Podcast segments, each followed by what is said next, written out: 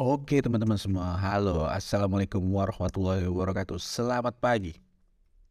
Selamat datang kembali di podcast kita hari ini. Dan kita akan membahas mengenai bahaya dari menunda-nunda untuk memulai diet. Tanpa kita sadari teman-teman, banyak dari kita mungkin memiliki niat untuk mengurangi berat badan Atau menjaga kesehatan tubuh melalui diet. Tapi sering kali menunda-nunda untuk memulainya. Aduh, gimana ya?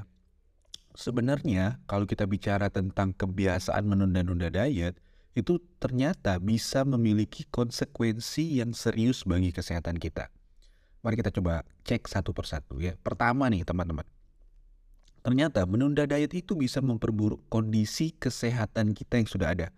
Misal nih, jika kita sudah memiliki tekanan darah tinggi atau diabetes ya, ternyata dengan menunda-nunda untuk memulai segera diet sehat dan teratur dapat memperparah kondisi kita dan meningkatkan resiko komplikasi kesehatan.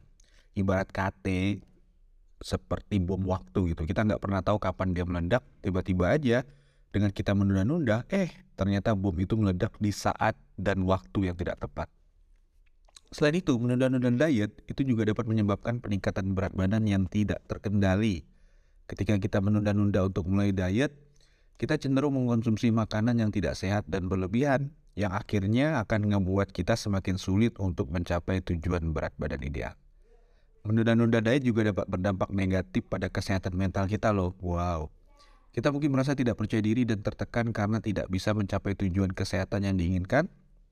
Hal ini secara tidak langsung dapat mengganggu kesejahteraan mental dan emosional kita. So, sangat penting untuk mulai diet sehat secepat mungkin dan tidak menunda-nunda. Mulailah dengan memilih jenis diet yang tepat dan dapat dijalankan dalam jangka panjang. Dan yang paling penting adalah bagaimana program diet yang teman-teman pilih itu bisa memperhatikan asupan nutrisi yang dibutuhkan oleh tubuh teman-teman. Jangan pernah takut untuk meminta bantuan dari ahli gizi atau dokter yang berkualifikasi untuk membantu teman-teman mencapai tujuan kesehatan yang diinginkan.